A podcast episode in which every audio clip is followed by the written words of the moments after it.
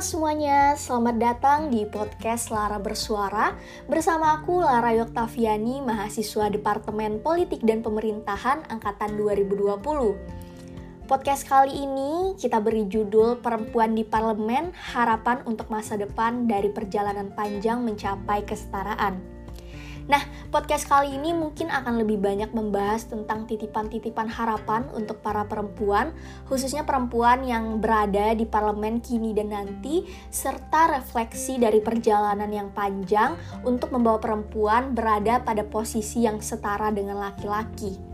Tapi sebelum nantinya kita sampai pada titipan harapan-harapan dan apa yang nanti bisa kita lakukan untuk menyetarakan kedudukan perempuan dengan laki-laki, terlebih dahulu kita mungkin bisa melakukan refleksi nih uh, dari apa yang terjadi saat ini dan juga uh, yang pernah terjadi terhadap perempuan di masa lalu.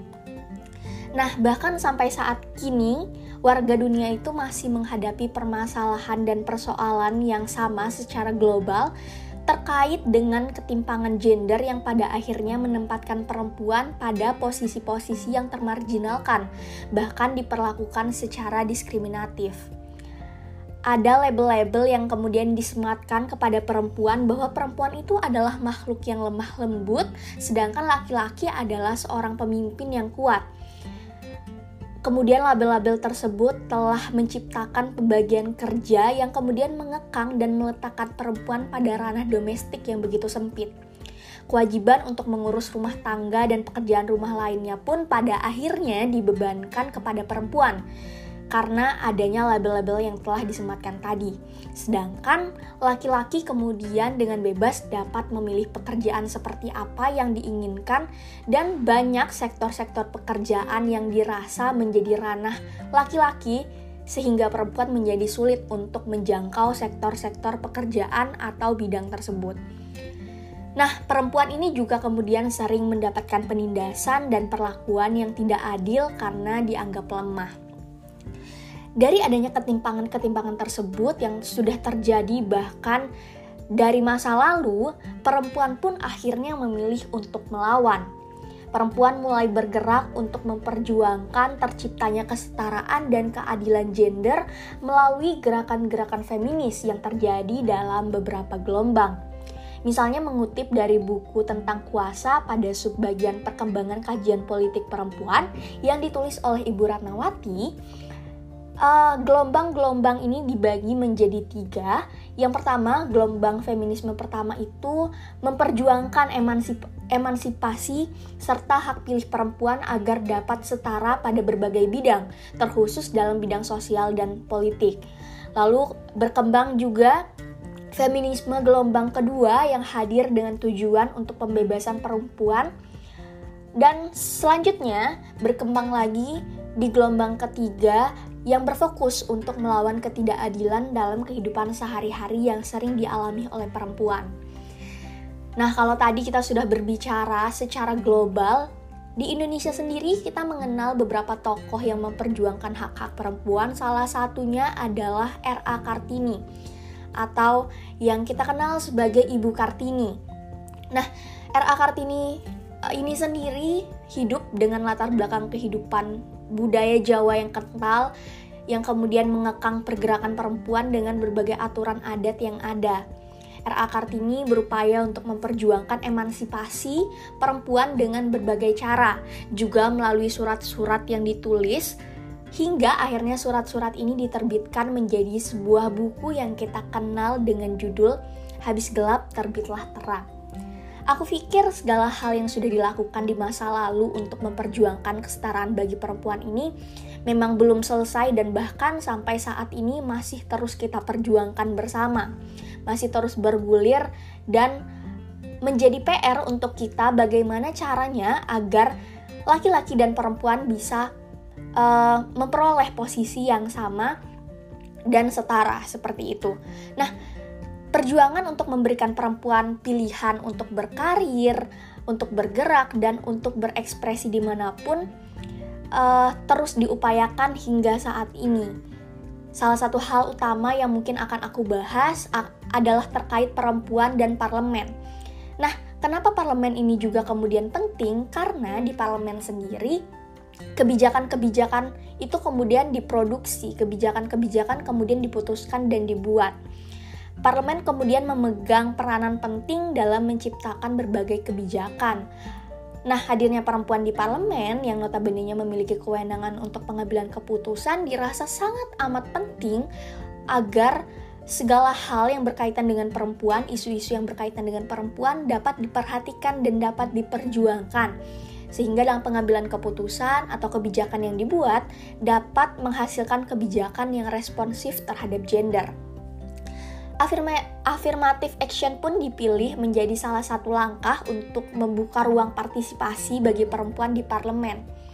Affirmative action ini sendiri didefinisikan oleh Ani Widyani Sucipto sebagai sebuah tindakan proaktif untuk menghapuskan atau menghilangkan perlakuan yang bersifat diskriminatif terhadap satu kelompok sosial yang dirasa terbelakang.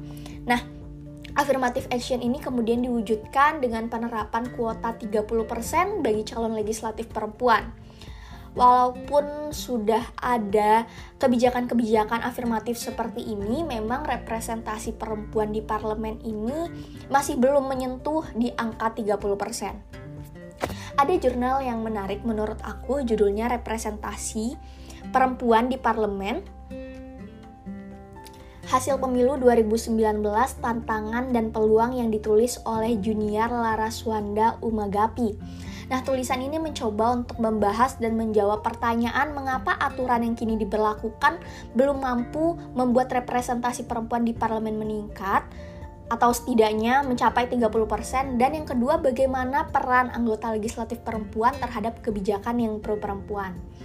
Nah, di jurnal ini juga diangkat pula data-data yang menunjukkan jumlah anggota perempuan di parlemen pada tahun 2019 Ya walaupun tidak mencapai angka 30%, tapi setidaknya meningkat dari periode sebelumnya dari 17,3% menjadi 20,5%.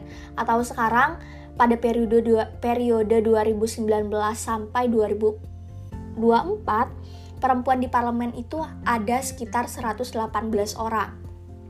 Nah, menurut aku pribadi ini adalah capaian yang harus diapresiasi karena untuk pertama kalinya representasi perempuan di parlemen akhirnya menyentuh angka 20%. Tapi kemudian muncul pertanyaan, apakah jumlah yang meningkat ini juga dibarengi dengan semakin kuatnya upaya dan komitmen perempuan untuk memperjuangkan kebijakan yang responsif terhadap gender? Nah, Apakah 118 orang ini kemudian seluruhnya berorientasi untuk memperjuangkan ter terciptanya kebijakan dan peraturan yang memang berpihak kepada perempuan? Kuota 30% ini lagi-lagi menjadi sebuah dilema. Secara kuantitatif kita sudah berhasil uh, menaikkan angka partisipasi perempuan di parlemen tapi apakah secara kualitas dan substansi para wakil-wakil di parlemen ini sudah paham mengenai kewajiban dan tugasnya atau tidak? Mengingat bahwa eh, saluran-saluran untuk mencapai posisi menjadi caleg juga masih eksklusif karena seperti yang kita ketahui bersama bahwa modal-modal politik itu sangat amat besar sehingga mungkin tidak semua perempuan yang memiliki uh, konsen terhadap masalah-masalah untuk memperjuangkan hak-hak perempuan itu bisa masuk ke dalam uh, kontestasi di pemilu seperti itu. Nah, misalnya dalam jurnal yang sama, Puskapol UI setidaknya mencatat ada 53% calon legislatif terpilih pada 2019 yang memiliki latar belakang aktivis partai. 41% diindikasikan memiliki afiliasi dengan kekerabatan politik seperti keluarga, dinasti, atau klan dan hanya 6% sisanya yang berasal dari kalangan profesional yang baru saja pertama kali ikut berkontestasi dalam pemilu memberi memberi peluang pada perempuan untuk berpartisipasi melalui affirmative action nyatanya juga tidak 100% menyelesaikan masalah. Karena sekarang kita juga dihadapkan pada permasalahan untuk lebih memperhatikan uh, bagaimana kemudian kualitas-kualitas dan value atau tujuan yang dibawa dari wakil-wakil uh, di perempuan yang berada di parlemen parlemen Jadi kita tidak hanya berbicara semata-mata tentang jumlah, tapi bagaimana caranya perempuan-perempuan yang duduk di parlemen ini dapat merepresentasikan berbagai permasalahan yang memang dihadapi oleh perempuan. Ditambah lagi, partai politik mungkin mengusung perempuan dengan alasan kewajiban atau sekedar memenuhi peraturan yang sudah ditetapkan, sehingga perempuan yang terjaring untuk berkontestasi adalah yang memiliki jejaring dinasti atau modal politik yang besar. Nah, juga menurut para wansa, di Indonesia partai politik itu lebih suka memilih perempuan yang populer dibanding dengan yang aktif di politik untuk menyuarakan hak-hak perempuan misalnya. Apakah ketika perempuan masuk ke dalam politik bisa mempengaruhi kebijakan? Ini juga menjadi pertanyaan karena uh, ada fraksi-fraksi yang harus diikuti oleh perempuan itu sendiri dan ada relasi-relasi kuasa yang mungkin uh, kuat sehingga kebijakan-kebijakan yang pro terhadap perempuan atau kebijakan-kebijakan yang membahas berbagai permasalahan tentang perempuan masih belum bisa diselesaikan atau dieksekusi dengan baik. Nah, contoh nyata misalnya ada RUU PKS atau penghapusan kekerasan seksual. RUU ini kemudian terus didesak oleh masyarakat agar segera dibahas dan disahkan oleh DPR atau oleh parlemen, tapi hingga saat ini RUU PKS ini masih menjadi hal yang tidak diperhatikan atau mungkin kurang diperhatikan gitu karena proses pengesahannya yang sangat amat lama. Berkaca dari apa yang sedang terjadi di Indonesia belakangan ini, kita melihat banyak sekali hal-hal yang miris yang terjadi kepada perempuan, hal-hal yang kemudian menyayat hati kita sebagai perempuan, tindak kekerasan seksual yang tidak hanya dilakukan oleh orang asing seperti misalnya uh, guru atau apa tapi dilakukan oleh keluarga-keluarga terdekat gitu. Aku pribadi akhir-akhir ini ketika kemudian membaca berita-berita di media sosial, di media-media elektronik lainnya, aku merasa bahwa kekerasan seksual kini menjadi hal yang benar-benar harus diperhatikan agar perempuan itu dapat memberikan atau perempuan itu dapat diberikan ruang aman gitu untuk beraktivitas karena dari hal-hal yang terjadi hari ini, dari hal-hal yang terjadi belakangan ini, kita melihat bahwa perempuan tidak punya ruang aman gitu. Banyak uh, misalnya contoh kekerasan seksual yang terjadi di rumah, ada yang di pondok yang tempat seharusnya orang-orang sedang menimba ilmunya, di sana pun bisa terjadi kekerasan seksual terhadap perempuan gitu. Di kampus dan di tempat mana pun itu ada potensi gitu.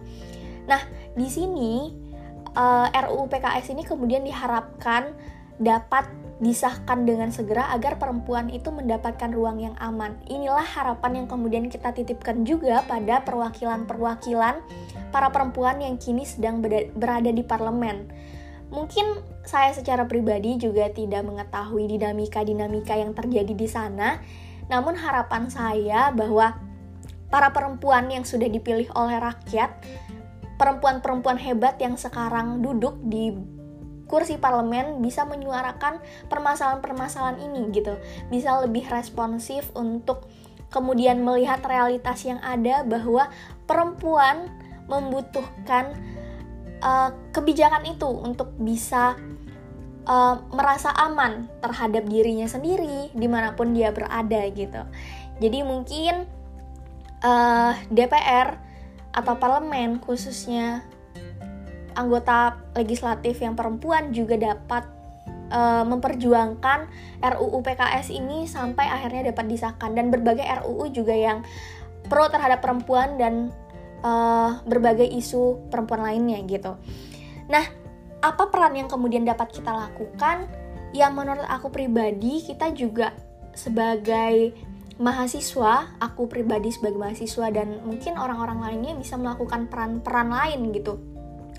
Untuk misalnya melakukan edukasi terhadap diri sendiri juga gitu ketika nanti ada masa-masa pemilihan uh, kita harus mengedukasi diri sendiri dan juga mulai mengedukasi lingkungan sekitar dan bergerak juga untuk mengedukasi banyak pihak untuk melihat uh, latar belakang dari para perwakilan yang akan kita pilih untuk duduk di parlemen gitu. Jadi jelas juga kita tidak hanya memilih berdasarkan oh yang penting jumlahnya sudah terpenuhi, tetapi bagaimana kita melihat kualitas dan substansi yang dibawa oleh wakil-wakil kita di parlemen, terutama uh, para perempuan-perempuan hebat itu.